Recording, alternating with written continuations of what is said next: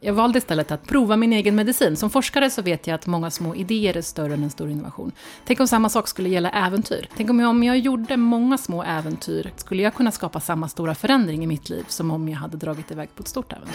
When your life's been put on hold for far too long When the sorrow and despair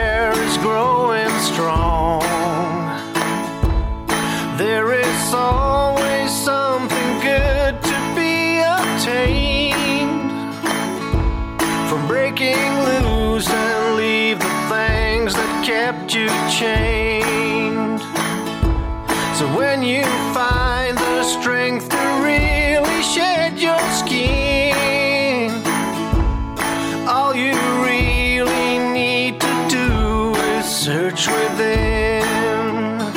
var det dags för eh, ännu ett avsnitt av Bortom ekorrhjulet. Och idag så har jag, eh, Katta, kört ungefär eh, två timmar åt eh, i... Vilken riktning då? Nord, nordlig. Väldigt rakt norrut. Ja. Rakt norrut.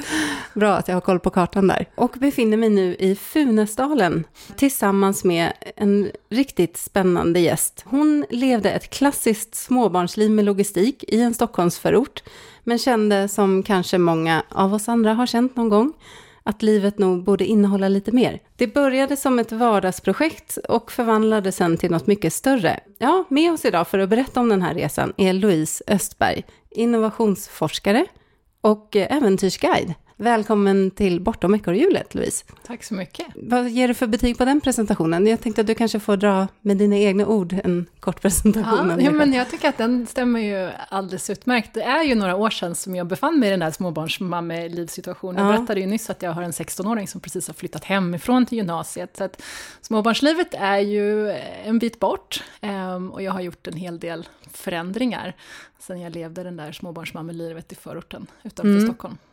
Och den resan eh, tänkte jag att vi skulle djupdyka lite i idag. Mm, roligt. Eh, precis. Nej, och så att vi kanske, vi kommer nog in på sidospår också tror jag. Vi, vi har ju lite gemensamma intressen. Eh, det också. Här ja. i fjällen. Ja. Men eh, om du skulle berätta lite, ja men hur, eh, vad gör du idag och vem är Louise? Mm, men jag är väl som kanske många i glesbygden lite av en allkonstnär, jag jobbar med en hel del olika saker. Eh, du sa ju att jag är innovationsforskare och det stämmer bra, jag har en bakgrund där jag har jobbat med kvalitetsutveckling, medarbetardriven kreativitet, det vill säga hur kan man få alla medarbetare i en organisation att bidra med idéer för att förändra och utveckla. Och eh, det har jag jobbat med i eget företag och jag har jobbat eh, som anställd på olika ställen och föreläst mycket om det. Men faktiskt sen ett par år tillbaka så jobbar jag som lärare på Mittuniversitetet. I, med utgångspunkt i Östersund. Så jag har ju en jättelyxig tillvaro där jag får lära ut det jag har eh, konsultat inom och forskat om i 20 år. Ja. Alltså det är min, idag är det faktiskt min huvudsysselsättning att jobba som lärare. Ehm, jag är också fjällguide. Um, gick en fjällguides eller en eh, fjällsäkerhetskurs för, ja, men samtidigt som jag flyttade upp hit till Funäsdalen mm. och blev certifierad fjällledare. Så jag jobbar en del även som guide. Så jag har kvar mitt eget konsultbolag, så jag konsultar en del också och är ute och föreläser. Så jag har väl, eh, mina barn brukar, min yngsta brukar fråga, mamma hur många jobb har du egentligen? Och det är väl kanske en mm. fyra, fem, sex stycken. Sen är jag rektor på en äventyrarutbildning också, Adventure Academy. Så jag har ja. många, många olika eh, saker för mig och jag tycker att det, jag trivs jättebra med att ha mycket olika. Jag pratade om det i ett avsnitt nyligen med Caroline i Vemdalen. Um, också om det här att, att man behöver liksom mångsyssla lite i glesbygd, mm. ofta. Ja men verkligen, och det tror, jag är, det tror jag de allra flesta glesbygdsbor skriver under på, att man behöver, ibland kan det handla om att man gör en sak på vintersäsongen och en annan sak på sommarsäsongen.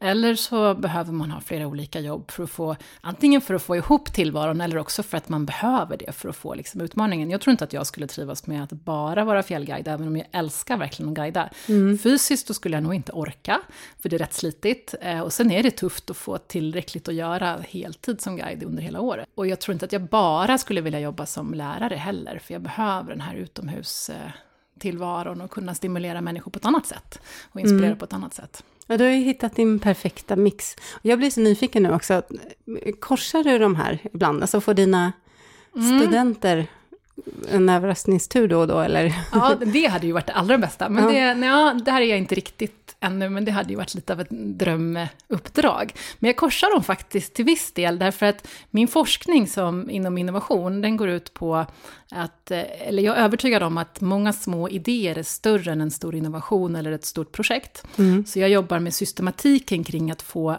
många medarbetare att komma på förbättringar varje dag. Det vill säga hellre de små idéerna än de stora innovationerna.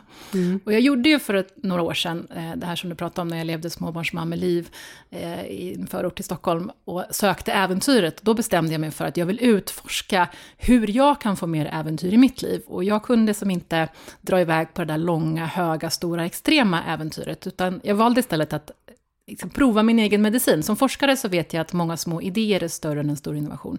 Tänk om samma sak skulle gälla äventyr.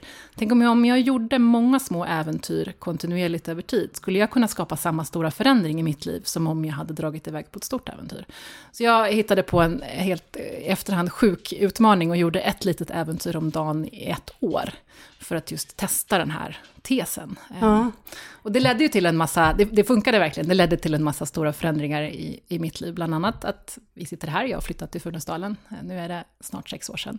Mm. Men det var ett, ett led i, i, i den att jag gjorde faktiskt små äventyr, för att utforska hur kan jag göra små förändringar hela tiden för att åstadkomma någonting nytt. Så spännande tycker jag. Jag gillar ju den där tanken, och det vet jag att min eh, kära syster gör också, som eh, tyvärr inte kunde vara med idag.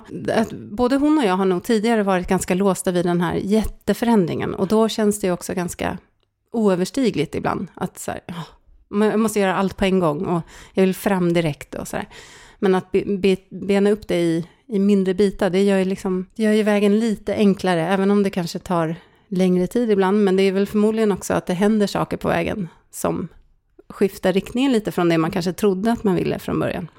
Men så, jag, jag finner tröst i, och då är det alltså vetenskapligt belagt också när det gäller kreativitet. Ja, men jag skulle ja. faktiskt vilja säga så. Det är mycket lättare att genomföra en liten idé än det att genomföra en stor idé. Stor idé. Det är mycket lättare att genomföra många små idéer som tillsammans kan bli större än den stora innovationen mm. och kan ge en större effekt. Och jag tror ju att samma sak gäller förändringar även i, i privatlivet, om man säger att eh, Eh, genomför man små förändringar över tid så kan man dels hitta den rätta vägen dit man vill, för man förändras ju och utvecklas som människa hela tiden. Och att sitta och, jag vill genomföra en jättestor förändring eh, och att tänka ut precis allting som ska hända och sen bara göra det pang bom, det, det tror jag är mycket svårare att få till och sen kanske det inte blir rätt heller. Nej. Så jag tror ju verkligen på de små förändringarnas, de många små förändringarnas kraft. Jag tycker vi anammar det. Ja, det blir. Men eh, vi kan ju backa bandet lite och sådär. Kan inte du berätta lite hur, hur ditt liv såg ut då för sju, åtta, nio år sedan? Ja. Kanske? Eh, ja, men jag har väl alltid varit en, en ganska äventyrlig person. Jag har alltid gillat eh, alla möjliga former av äventyrssporter. Cyklat mountainbike och paddlat kajak, åka långfärdsskridskor och, och åkt väldigt, väldigt mycket skidor. Så jag har alltid haft den här mixen av olika äventyr i mig. Ehm, jag är uppvuxen som hästtjej och tävlat mycket fälttävlan och ridit en hel del. Så jag har gillat fart och... och fälttävlan är ju verkligen äventyrligt. Ja, men det sägs det mm. eh, faktiskt. Och jag tycker att det är det roligaste som finns. Att hoppa bana är ju kul, men då är man ju inne i en, ja, en manege, liksom en bana. Men mm. ut och tävla fälttävlan ute i terrängen är den ultimata kicken på hästryggen skulle jag vilja säga. Men det la jag av med för, för länge sedan, så att jag, men det var liksom min ja, min uppväxt helt enkelt. Som mm. tonåring, mm. då höll jag på väldigt mycket med hästar. Vad var frågan? Eh, ja, men hur ditt liv såg ut. eh, jo, nej, men och så fick jag ganska tätt följd, eh, hyfsat tätt följd i alla fall, tre barn. Eh, och eh, jobbade som konsult. Och jag hade väl innan barnen alltid drömt om en tillvaro där jag skulle åka mycket skidor, jag ville gärna bo i Alperna, leva någon slags eh, för evigt säsongsliv. Eh, men jag, vill, jag hade ju ändå en akademisk utbildning och jag, så, jag ville ändå ha, liksom, jag ville ha allt. Jag vill mm. inte välja, välja bort familj och välja bort den akademiska liksom, utvecklingen där, eller karriären, eller skidåkningen. Så jag ville liksom ha allt. Och jag, jag hade helt ärligt kanske... Hela kakan. Hela kakan. ja, ingen, det är inte min grej att bara äta en liten del av kakan tror jag. Eh, så att jag eh, försökte väl få till det där på olika sätt. Um, var, det, det var, var det en stor utmaning i, liksom, i småbarnslivet? Ja, det får man väl säga att det var. Framförallt skulle jag nog säga att för man möter ganska mycket, ja men det går väl inte och det kan man väl inte och nu har du ju eh, valt den här vägen med liksom karriär och småbarn och eh, livet på Lidingö. Eh, men jag nöjde mig inte riktigt med det utan jag ville ha någonting mer än så.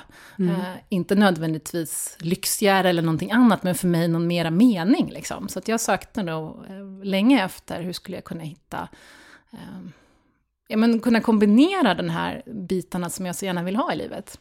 Mm. Och det blev ju faktiskt eh, den förlösande faktorn när jag eh, kom på att vi flyttar till fjällen. Mm. Tar barnen och flyttar upp till fjällen och eh, försöker hitta någon slags kombo eh, jobbmässigt eller karriärsmässigt. Och det, det, var kanske tufft från början, men nu känner jag att jag har faktiskt landat i den också. Eh. Ja, och det började med det här projektet då, som i efterhand var mastigt. Ja, ja, men det började väl med att jag utforskade den här idén om att göra ett litet äventyr om dagen i ett år. Och eh, det gjorde att jag fick kontakt med många andra människor som hade gjort andra livsstilsval. Eh, och det gjorde också att jag förstod att man behöver inte leva det här småbarnsmammelivet, eller småbarnslivet, familjelivet, eller vad man ska kalla det, eh, på en plats, utan man kan göra andra eh, livsstilsval. Och det gjorde väl också, i och med att jag en del i mitt projekt var att jag ville öva på att bli modigare. Och så gjorde jag ett äventyr om dagen.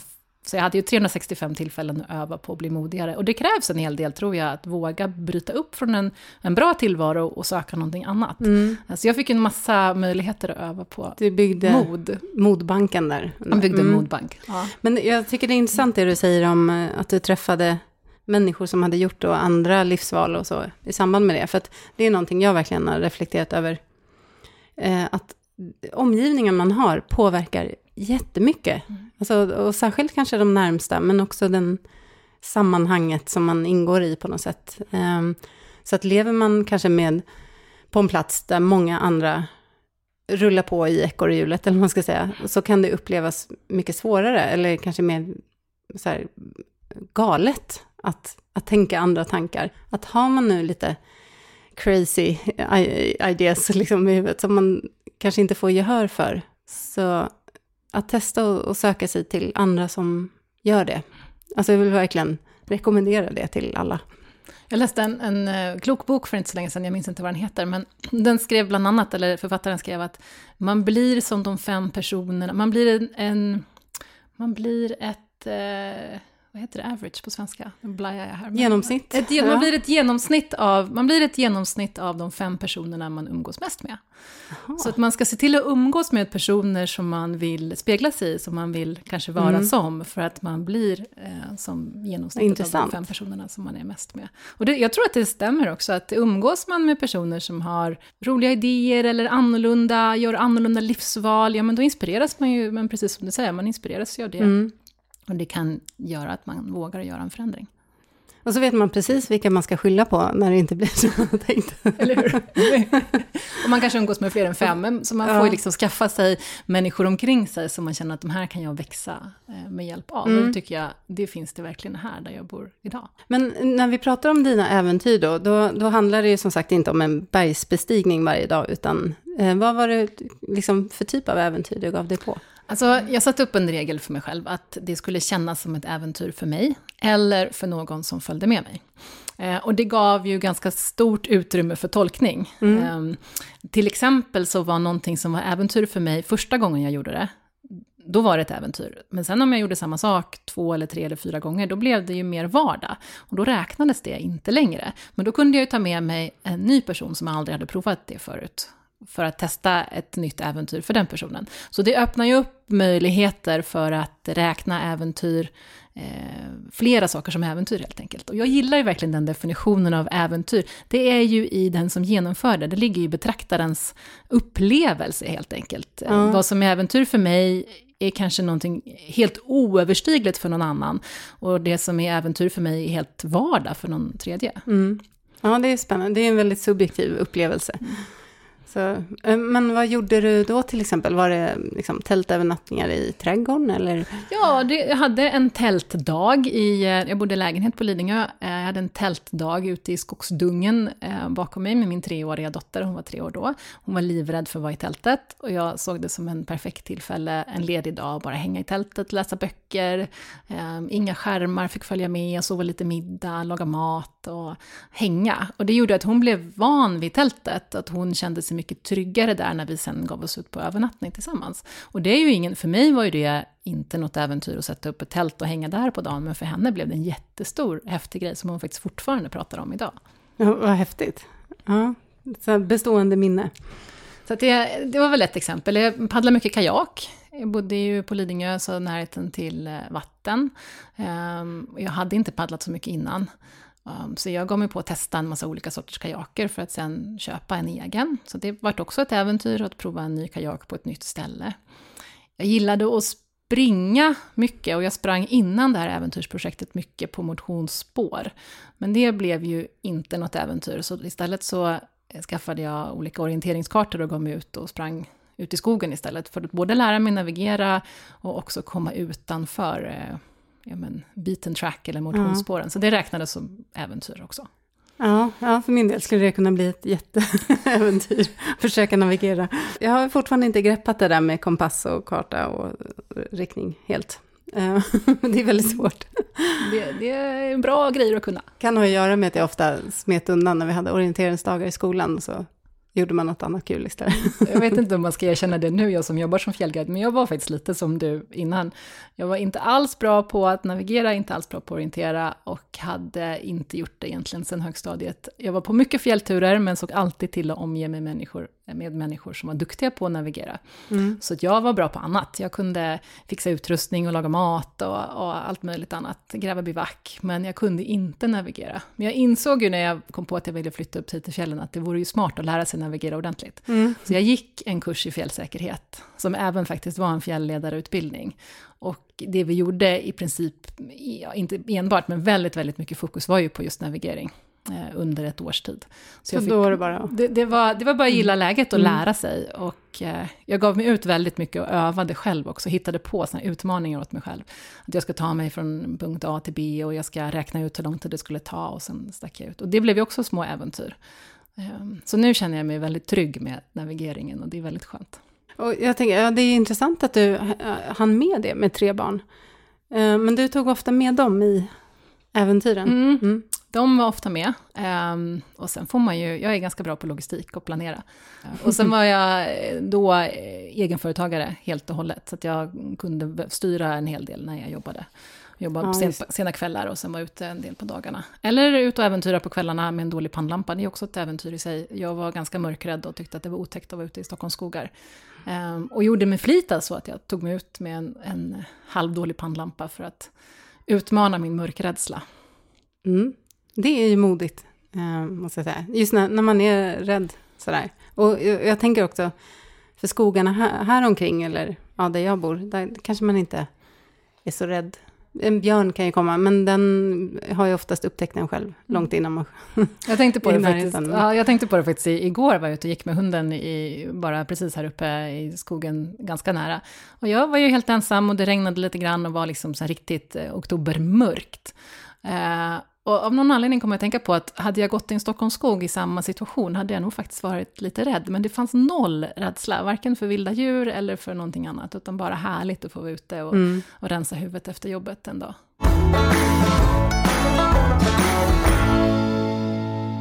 Hur växte den här eh, planen? Eller liksom, kommer du ihåg när ni liksom fattade beslutet att flytta? Jag tror att det var någonting som växte fram efterhand en önskan om att göra någonting annat. Eh, först var tanken på att flytta till Alperna. Eh, både jag och barnens pappa har jobbat mycket i Alperna, säsongat där. Så det var väl någon slags tanke vi hade.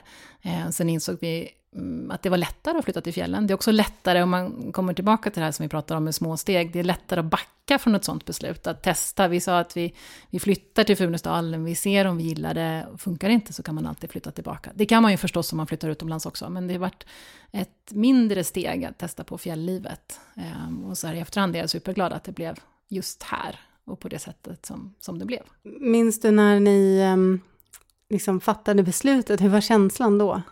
Alltså det var nog någonting... Jag vet att jag på... Vi firade jul här eh, i fjällen på en skidanläggning.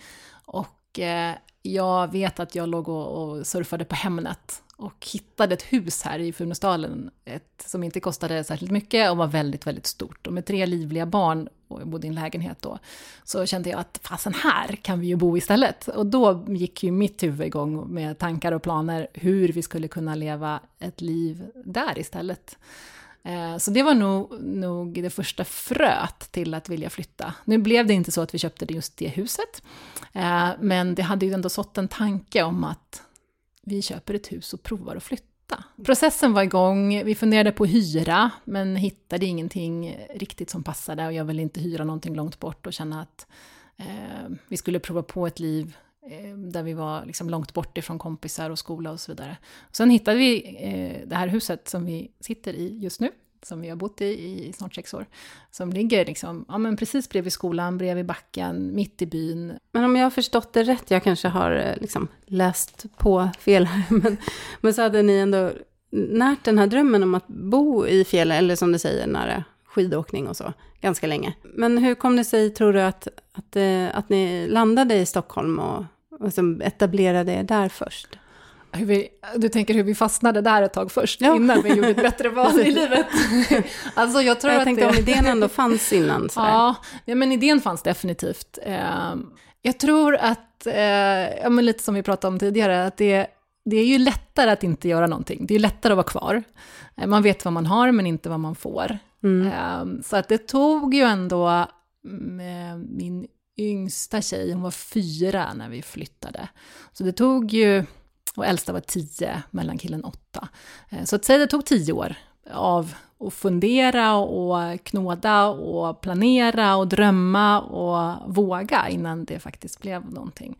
Vi reste ganska mycket med barnen också under föräldraledigheterna och var i, Asien i, i flera månader i sträck, hyrde ut lägenheten eh, i Stockholm och, och var ute och reste. Så det var väl också en del i liksom att våga göra någonting annat. Så vi, vi hade ju man ska väl säga så här, vi hade ett jättebra liv nere i Stockholm också, men det var någonting som saknades. Mm. Eh, men det tog väl ett tag innan vi förstod hur mycket det saknades, så att vi faktiskt vågade göra en förändring också. Ja, och sen förändras man ju med åren också, så att det kan ju, mm. behov kan ju växa eller försvinna, eller, det vet man ju aldrig. ja, men också det här umgänget, alltså att, att få umgäng, ett umgänge som kanske har gjort de här andra livsstilsvalen, det gjorde faktiskt ganska mycket att, att våga ta det där steget. Hur förberedde ni er när, när beslutet var fattat och sådär? För det, det, vet jag att många kan tänka sådär, åh det känns som ett så stort steg och, med barn och så. Men hur, hur såg, vad hade ni för liksom, frågor och utmaningar inför? Alltså jag är nog en sån person som tänker att det mesta löser sig att man kan ta mycket på volley.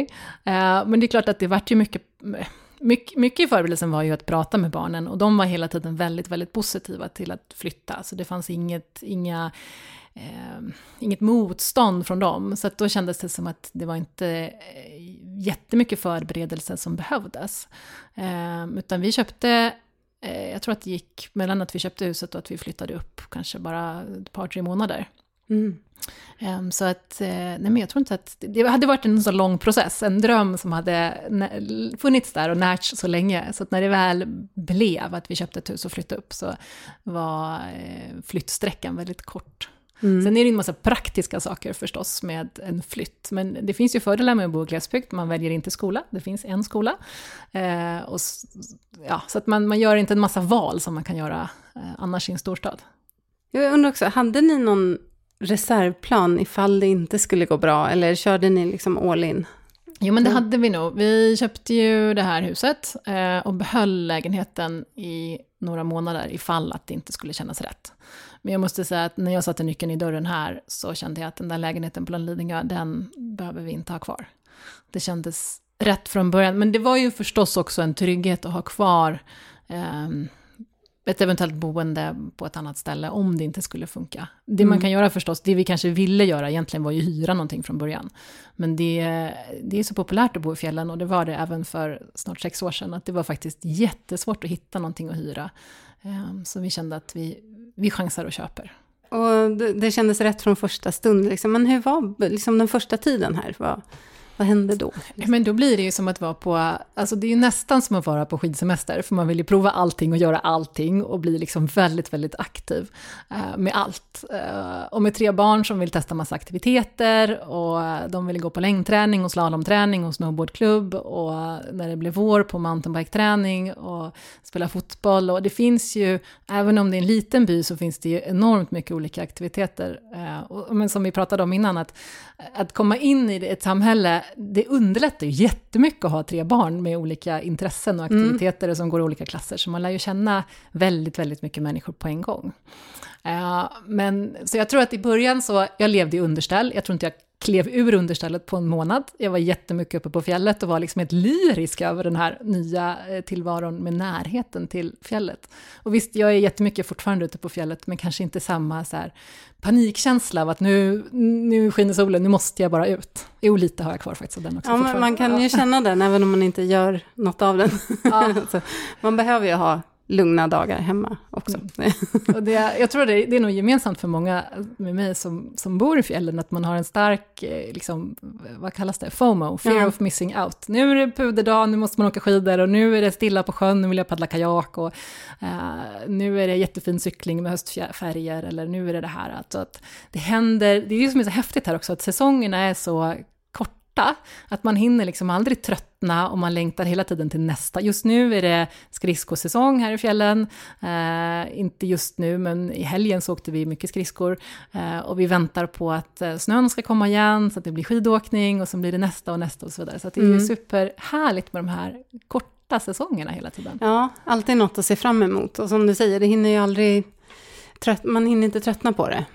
Som bara höstfärger på fjället, det är ju två veckor kanske och sen Ja, i värsta fall kommer det snö, eller det är ju jättekul, men att ska man ut, då måste man ut och uppleva det. Och det är då den här FOMOn kommer, som mm. jag kämpar lite grann för att inte ha. Men just just nu så är det höstfärger, eller just just nu är det skridskoåkning, eller just just nu så är det jättefin pudersnö som man bara måste gå på topptur. Och mm. det där, eh, liksom lite så här panikkänslan av att jag måste ut, eh, jag jobbar lite med att faktiskt ha lugna dagar också, även om jag ja. gillar att ha det aktivt. Nya vardagsproblem som ja. dyker upp. Verkligen. Verkligen. Det tyckte jag var intressant, just när det gäller jobb och så, för det undrar ju många över när man flyttar, och kanske särskilt flyttar då till lite mer glesbygd eller landsbygd, sådär, att hur man löser den pucken. Men eh, du har, du har skrivit någonstans, eh, jag läste, att, att fler dörrar öppnar sig för dig karriärmässigt efter att du flyttade. Kan du inte berätta mer om det? Mm. Ja, men det, det, det, minns jag att jag har sagt vid något tillfälle. Och det, det stämmer nog också, för att eh, dels så finns det ju oväntat mycket jobb eh, i glesbygd också. Det finns en oerhört kompetensbrist på en hel del yrken. Eh, jag tror att vi har typ noll arbetslöshet under större delen av säsongen här uppe. Det är mm, väldigt många verksamheter skriker ju efter alla möjliga olika kompetenser. Men för egen del så upptäckte jag ju att jag hade jobbat mycket som konsult inom kvalitetsutveckling, eh, ledarskap i Stockholm och där går ju det finns ju hur många konsulter inom mitt område som helst.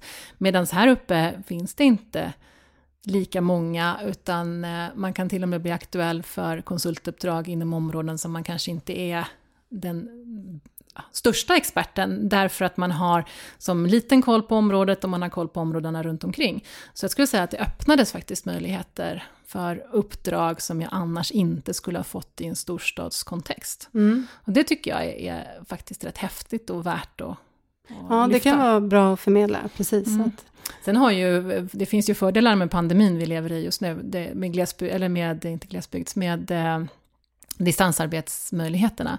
Så att vi ser ju ett, här uppe i Funäsdalen en stor eh, andel människor som kommer hit för att sitta här och jobba, för att det funkar väldigt, väldigt bra att jobba på distans. Det är en fördel, men det är, det är pandemispecifikt, men mm. det kanske ändå ger en skjuts i den utvecklingen. Så jag tror att det kommer, vi kommer inte, det är min övertygelse, det här kanske lite off topic, men jag tror att vi inte kommer gå tillbaka till normen där man alltid är på kontoret, utan det kommer finnas en större öppenhet öppenhet för att vara flexibel med arbetsplats. Mm. Um, och det gynnar ju definitivt glesbygden, att man kan sitta och jobba kanske inte alla dagar i veckan, men några dagar i veckan från någon annanstans. Så kan man resa till huvudkontoret eller vad det nu är man behöver åka in till. Mm.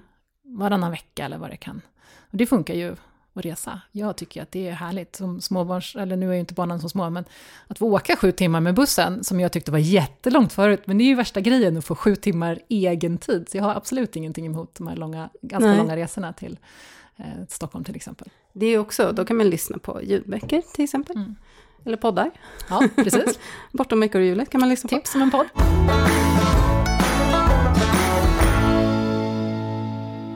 Om du skulle berätta lite, nu har du ju bott här i sex år då snart. Ehm, men hur skulle du beskriva ditt liv nu här? Alltså jag tror att eh, eh, jag är ganska aktiv. Det är nog ett aktivt liv. Jag trodde någonstans att jag skulle flytta mig till ett lugn. Eh, men jag brukar säga att man kan, eh, eh man kan inte flytta ifrån sin personlighet. Eh, jag gillar att ha mycket saker igång och mycket människor omkring mig och mycket projekt och det har jag fortfarande. Ehm, så att jag engagerar mig i alla möjliga olika saker, både här och runt om i, i, i landet. Så att jag tror, ja men det är nog ett ganska aktivt liv, Ja, eller väldigt.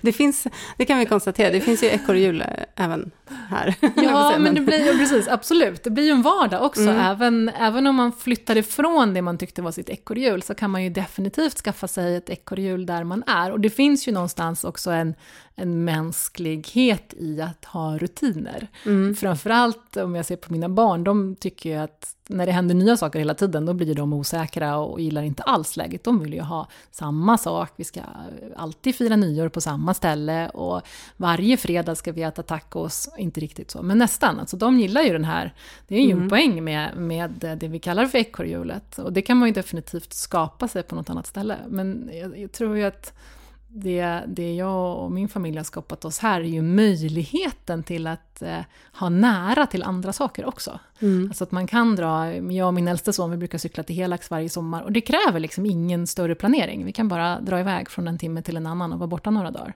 Medan om man bor någon annanstans så kräver det liksom mer planering. Så jag skulle Mm. säga att vi har nog flyttat till en tillvaro där vi kan göra mer roliga saker utan så mycket planering. Ja, och logistik brukar också vara en sån där, eh, va- vardagslogistiken, att den skiljer sig faktiskt kanske ganska mycket. Mm. Ja, definitivt. Jag menar, som jag bor här mitt i, i byn, nära skola, nära aktiviteter. Jag har noll skjutsning, barnen tar på sig skidorna och sticker ut i backen själva. Så att den vardagsnära logistiken, den är ju helt borta. Sen finns det ju såklart eh, nackdelar om man ska prata om dem. Mm. Det är ju eh, långt till eh, sjukvård till exempel och långt till vissa andra funktioner. Då får man ju åka in till stan, som är i vår värld Östersund. Och det tar ju liksom ja, men tre och en halv timme med buss eller drygt två och en halv timme med bil att åka. Eh, Men det är som, det vänjer man sig vid också. Jag har ju en son som går där i, i, på gymnasiet.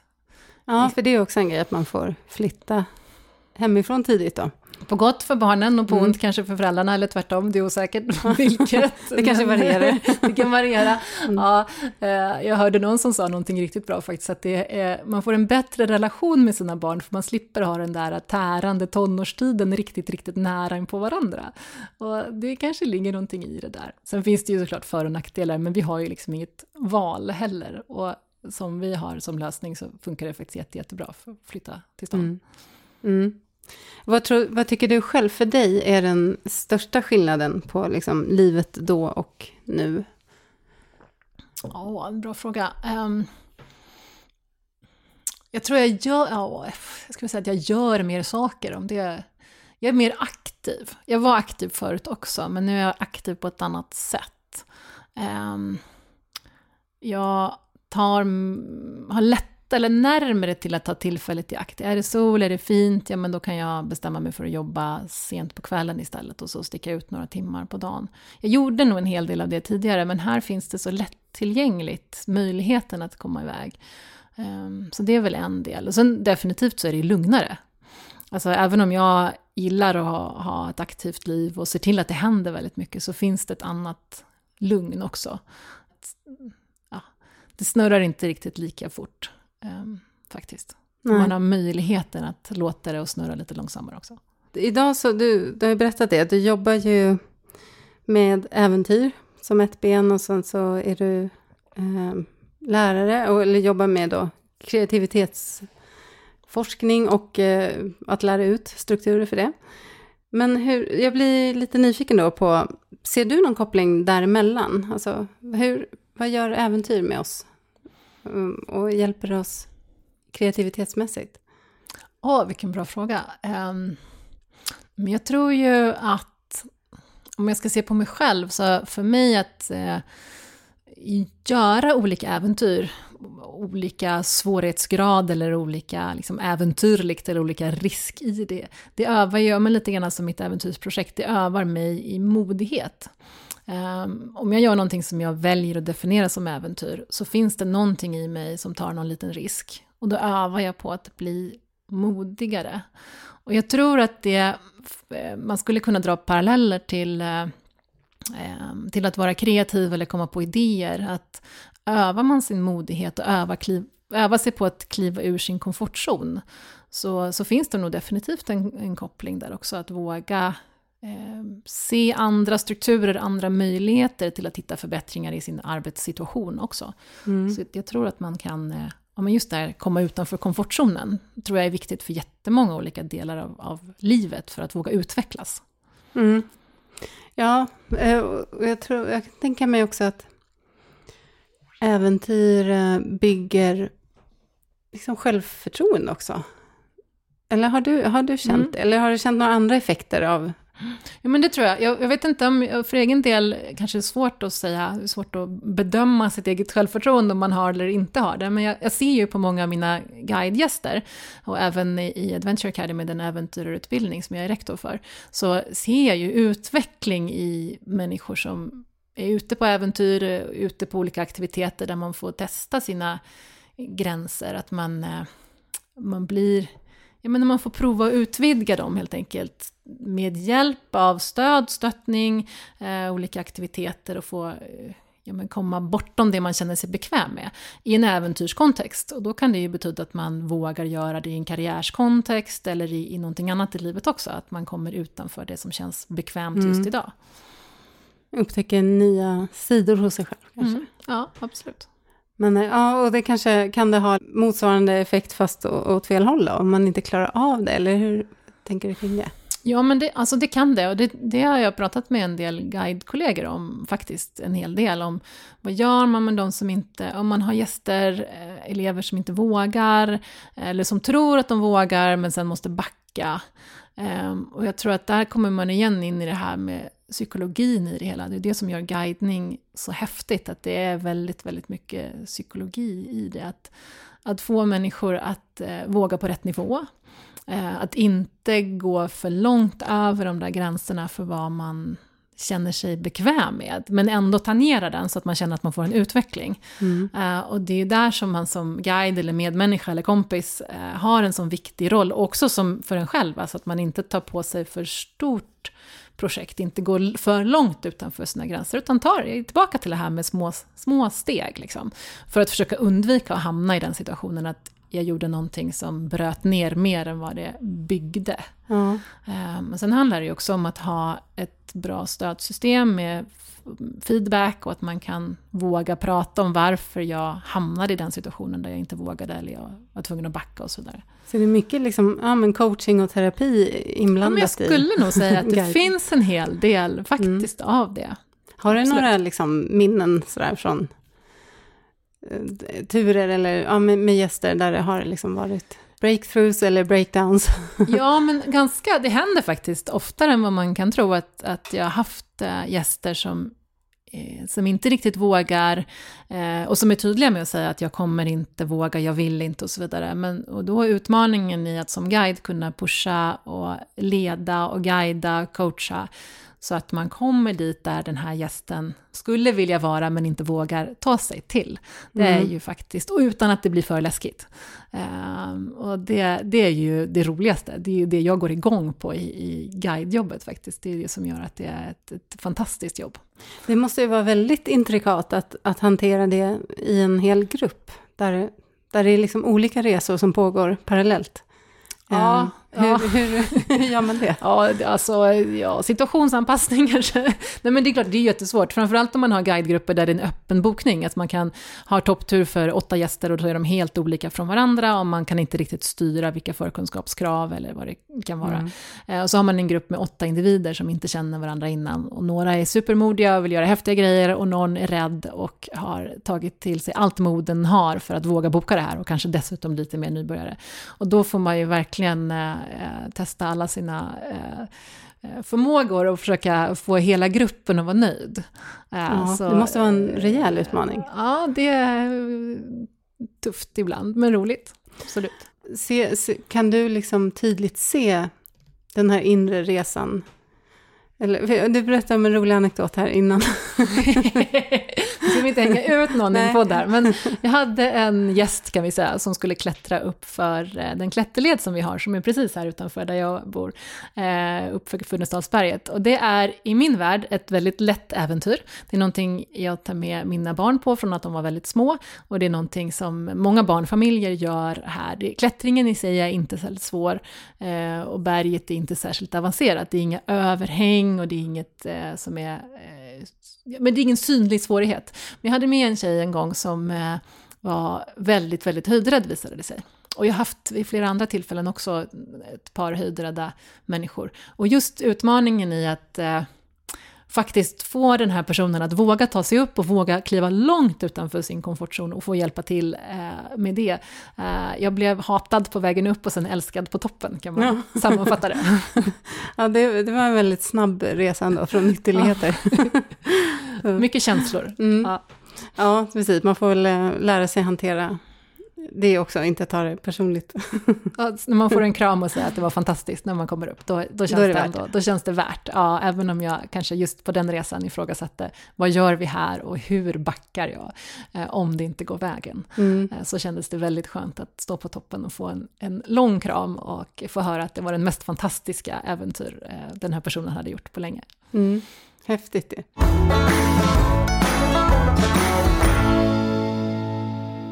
Hur ser du på, om vi, vi pratar ju om, den här podden handlar ju om ekorrhjul och kanske ofta att man eh, söker mening och försöker hitta sin väg och sådär. Men hur ser du generellt på hur vi lever som samhälle idag? Liksom, utifrån din resa sådär, vad har du för tankar kring det? Ja, men åh, det får jag vara lite självkritisk om jag ska svara på. Alltså jag tror att vi försöker, eh, det finns någon slags norm i samhället att trycka in jätte, jättemycket in i livet. Eh, I dagen, i veckan, i månaden, i året. Eh, att eh, det här med en, en bucket list, det ska alla ha, man ska ticka av så mycket som möjligt på sin bucket list. Eh, så jag, och jag tror att, eh, jag säger det här med en stor portion självkritik också, jag tror att det är nog smart att göra mindre. eh, Mm. För att få en möjlighet att uppleva mer. För att upplevelser kan ofta vara eh, någonting som kommer inifrån också. Det behöver inte vara extern stimuli hela tiden. Ehm, jag är jättebra på den här externa stimuli-biten och älskar att ha en massa action igång. Men jag vet inte, jag kanske skulle har precis lika bra om jag eh, kontemplerade lite mer inåt också. Och det tror jag liksom samhället bidrar till att man ska göra, man ska resa dit och man ska göra det och man ska åstadkomma det och man ska ha eh, man ska ha olika materiella ting och det finns en, en norm i samhället vad man ska uppnå. Men det känns samtidigt som att det finns också en motnorm till den som börjar växa ganska stark. Eller också så är det beroende på att jag hamnar i den filterbubblan för att jag dras åt det mer Mm. minimalistiska eh, hållet. Men min upplevelse är att den, den växer också parallellt med den här man ska Mm. uppleva och göra och ha väldigt mycket. Ja, jag tror att det, mm, det finns en stark trend eh, kring det. Att liksom skala ner livet. Mm. Och det, vi, jag är ju också kanske i en filterbubbla eftersom jag också driver den här podden. Och många av diskussionerna i vår grupp till exempel handlar om, om det. Det är allt från tiny house till eh, att rensa ut alla prylar och Mm. ha köpstopp och sådär. Men, eh, men det blir också mycket... Jag, det- jag kan fundera också kring om det också är extern stimuli och och, alltså det är ju trender och vi hakar på och sådär. Men jag tycker också att det är intressant det där som du säger att vad kommer inifrån och vad kommer utifrån och, och hur kan man balansera dem? Mm. För att det är ju viktigt att följa sin egen röst Mm. på något sätt. Har du känt att det har varit lätt för dig hela tiden eller har, har du liksom bra koll på den inre rösten? Eller? Eh, Oh, ja, nej, definitivt Nu blev det inte. djupt. Ja, nu vart det djupt. Ja, nu vart det svårt. Ah, nej, men gud nej, jag tycker att det är jättesvårt att veta. Ehm, jag, jag tycker ofta att man, eh, man jag, eh, blir avundsjuk på andra människor som verkar ha det så lätt till att ja, men det där står jag för, och där står jag inte för, det där vill jag ha, det där vill jag inte ha. Jag sa ju tidigare att jag vill ha allt. Jag vill inte välja bort liksom, karriären, jag vill inte välja bort familj och barn och och ändå ha det här fjälllivet och närheten till naturen och kunna göra äventyr. Så jag är nog en liksom, vill göra allt. Eh, Men i mitt göra allt så finns det också att jag vill leva minimalistiskt i tiny house och eh, typ inte äga en bil eller ha en van där jag kan bo i när jag vill. Mm. Liksom.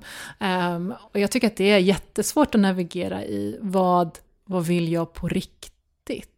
Eh, Mm. Så. Vill jag allt det här, det går ju liksom inte. Jag kan inte både rensa ut och ha massor. Jag kan inte både vilja leva minimalistiskt och ändå pyssla med massor med äventyrssporter. Så att jag behöver en forskajak, en havskajak, topptursskidor och längdskidor. Ja, men listan blir ju lång liksom. Det går ju inte ihop med det här enklare livet Nej. som jag ändå dras åt.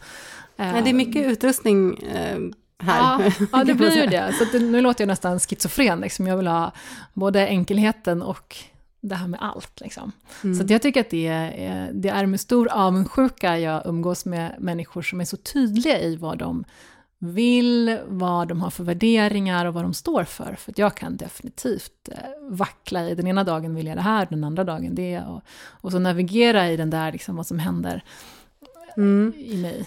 Ja, men där kan jag tänka att det är också, mm, jag läste någon artikel någon gång där jag bara, det här är ju jag, det kanske inte är mig det är fel på, eller, eller så är det det, men det finns i alla fall fler. För jag är lite som du också, jag, jag blir väldigt nyfiken på många saker och kan liksom verkligen ta in, om någon annan har upptäckt något nytt och, och pratar väldigt passionerat om det, så blir jag också sugen på det och tycker att wow, vad kul, det här låter jättespännande. Eh, men det kan ju också orsaka en, en viss intern splittring. Att man liksom, ja, men som du säger, att man, man vill både liksom den ena ytterligheten och den andra ytterligheten på samma gång helst. Det blir ju en lätt existentiell kris när man Mm. både älskar sitt jobb inom akademin och vill vara där och samtidigt ge sig ut på en evig långresa och bara leva vanlife. Liksom. Mm. Hur kombinerar man de här? Men just det här vill jag ha allt. Mm. Ehm, Ja, men där tänker jag att man kanske, att det handlar om den inre rösten, eller så här, om, nu talar jag för mig då, men att bara acceptera att så här är jag. Och det ger vissa fördelar och så ger det vissa nackdelar. Men att, att försöka förfina fördelarna då kanske. Eh, Och faktiskt vara lite glad över dem. Men det finns ju någon, jo den här artikeln jag pratade om, det är någon personlighetstyp som är eh, liksom sökare. Att man vill alltid prova på nya saker. Och det är så man utvecklas och växer eller mår bra. Genom att, att faktiskt hoppa mellan olika saker. Men i, i det samhället som vi har idag så, så är det ju mer så här, nu har vi gått från att du ska ha, liksom, jobba 50 år på en plats och få guldklocka. Så det har ändå rört sig lite i, i vår favör då kan man säga. Men, men ändå den här uthålligheten på, i någonting. Det, den kan jag tycka är intressant. Behöver alla den? Eller ska man bara acceptera att, att man behöver förändring? Vissa personlighetstyper behöver förändring då och då.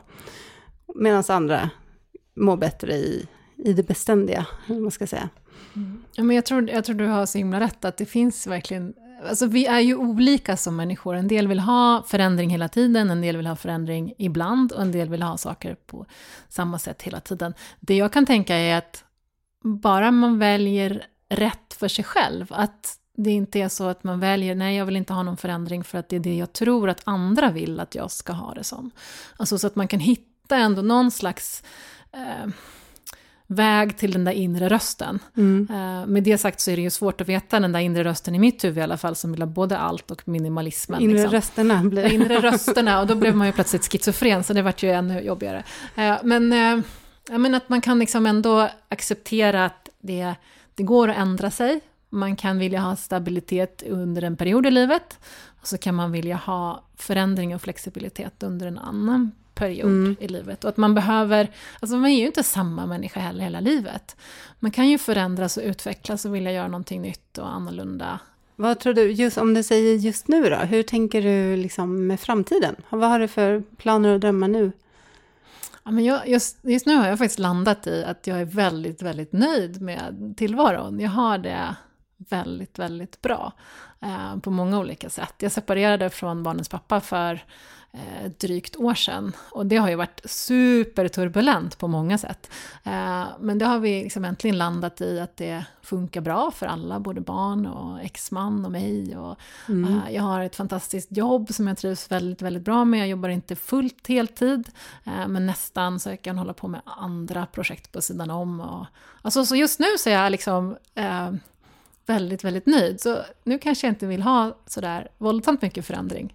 Eh, med det sagt så drömmer jag ändå om ett tiny house där eh, jag har mycket mindre saker, eh, för jag tror att de materiella tingen tar upp väldigt mycket energi, för man ska ta hand om dem och man ska röja undan dem och man ska ta fram och så vidare. Mm. Och förvara. Visst, förvara, ja det har jag enormt mycket av förvaring. Och det mm. kan ju vara en, en nackdel också, för då kan man ju bara skaffa mera saker, eller man behöver inte göra sig av med. Mm. Men visst, jag har också en dröm om att liksom leva mer flexibelt och kunna vara mer på resande fot. Kanske någon gång framöver. Men just nu trivs jag väldigt, väldigt bra just här där jag är. Ja, eh, skönt läge. Mm, väldigt skönt, väldigt skönt. Det var inte, jag hade inte svarat samma sak för ett år sedan kan jag säga. Då var det lite mer turbulent. Ja, men det är ju det är små äventyr i livet i sig. Men vad skulle du säga, vad ger det dig äh, ja, men när du är ute på fjället eller ute på ett av dina äventyr? Vad brukar du liksom ägna den tiden åt? Eller vad, vad är det som gör det så härligt? Det beror så mycket på. Det beror så mycket på vad jag har för behov och sinnesstämning. Alltså efter en, en lång arbetsdag kan jag behöva ta mig upp på fjället bara för att rensa.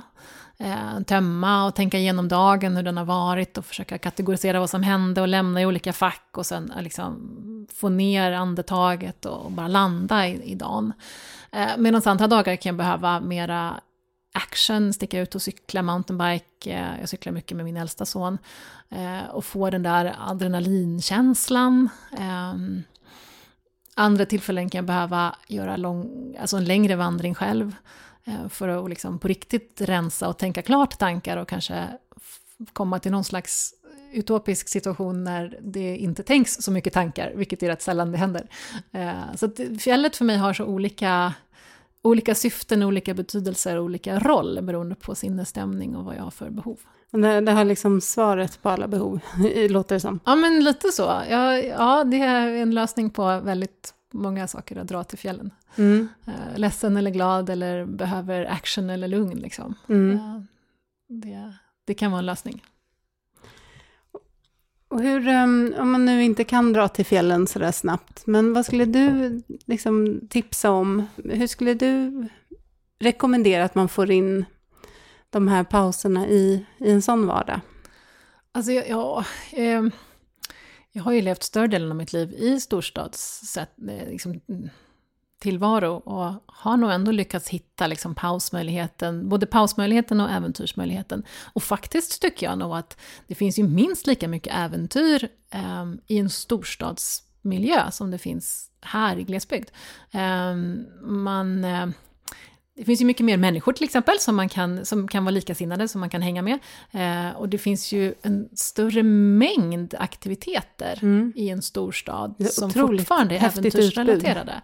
Man kan klättra, man kan paddla kajak och man kan, jag kan inte komma på nu, men det finns ju jättemånga olika eh, typer av aktiviteter. Så det gäller ju liksom, om man befinner sig i den situationen, hitta likasinnade och kanske hitta likasinnade i olika kontexter. Så man kan ha en grupp som passar för det här och en annan grupp som man umgås med för någonting annat. Sen finns det ju, vi är ju så lyxigt i, i vårt land i Sverige att det finns ju väldigt mycket natur även storstadsnära och väldigt mycket tillgängligt med lokaltrafik. Så Mm. man kan ju ta sig ut. Och det handlar nog mer om att sätta upp ett mål för sig själv.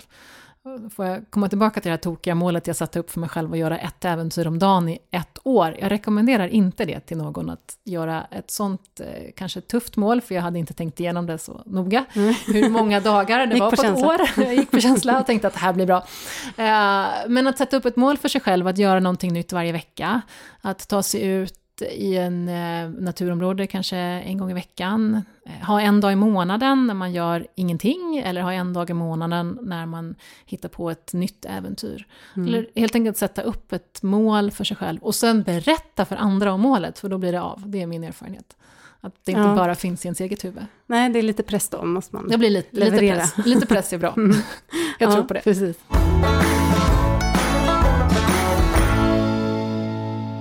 Är det någonting mer som du skulle vilja lyfta?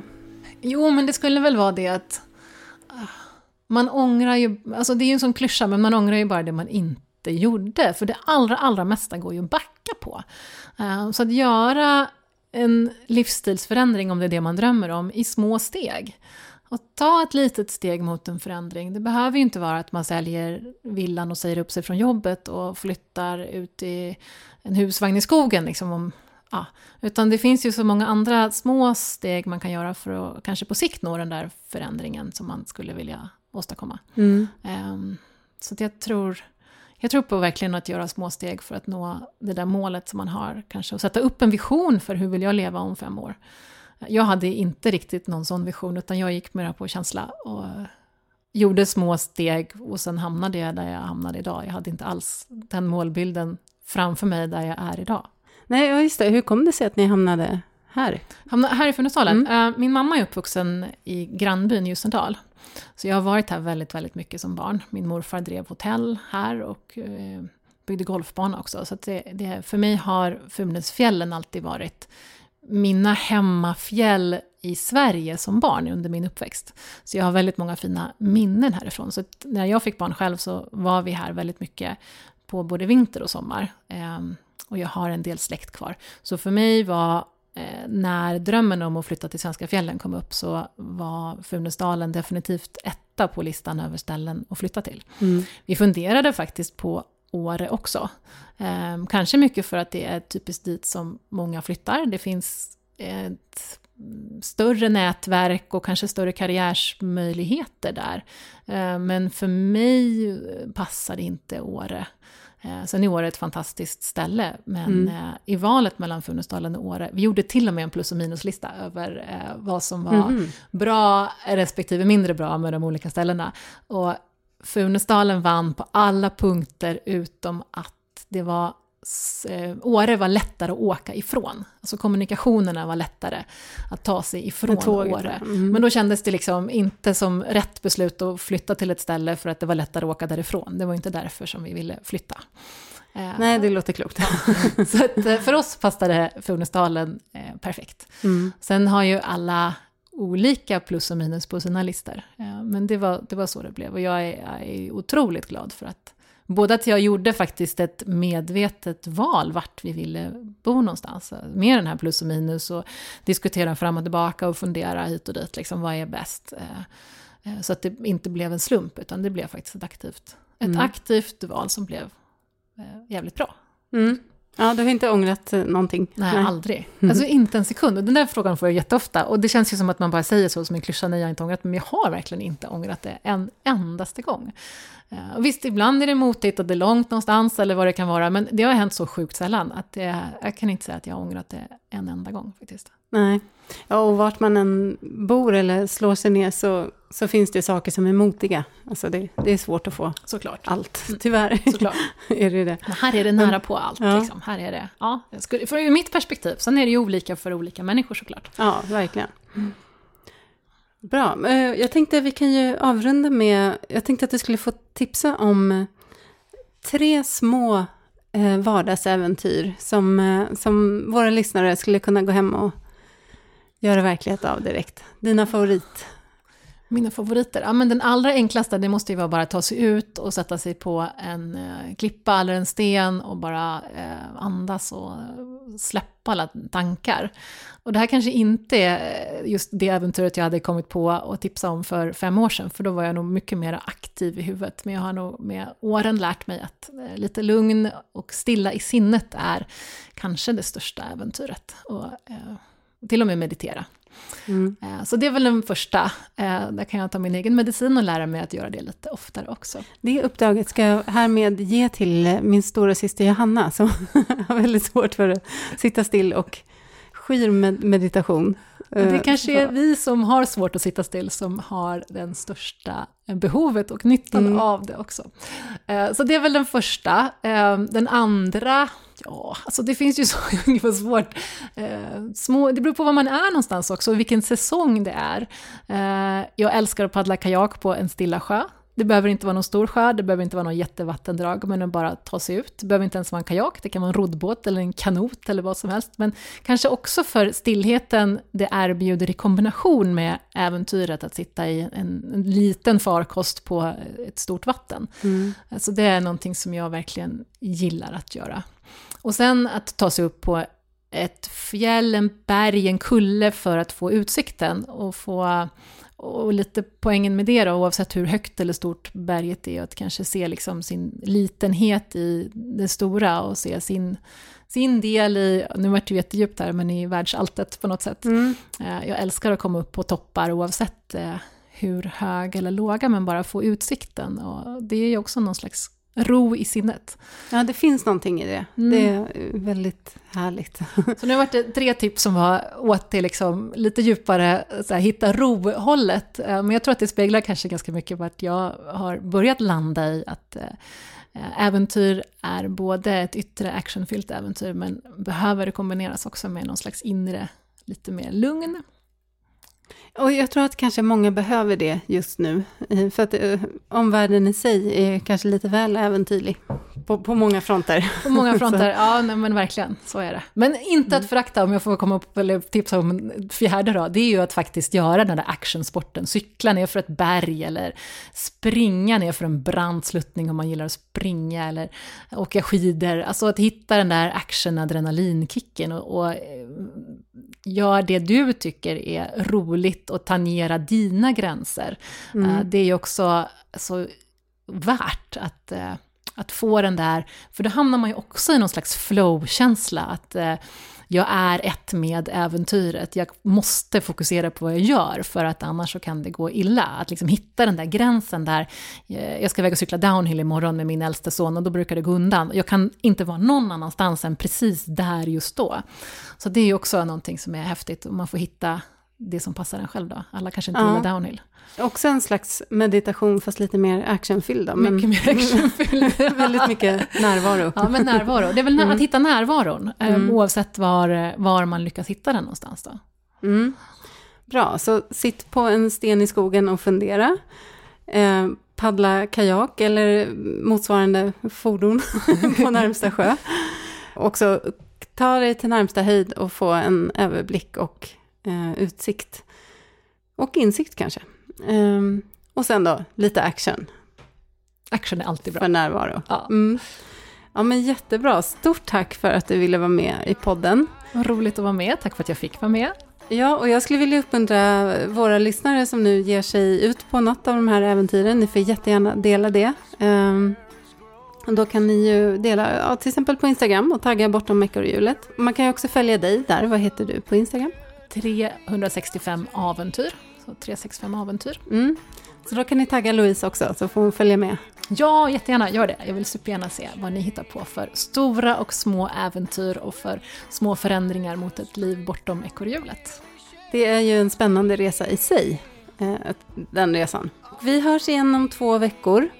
Eh, jag ska passa på att tacka Sven Karlsson och Epidemic Sound för den utmärkta musiken som ni får höra nu i bakgrunden. Och ta hand om er där ute. Ut och kör. Alla äventyr räknas som äventyr. Hej då från Funäsdalen. Hej då!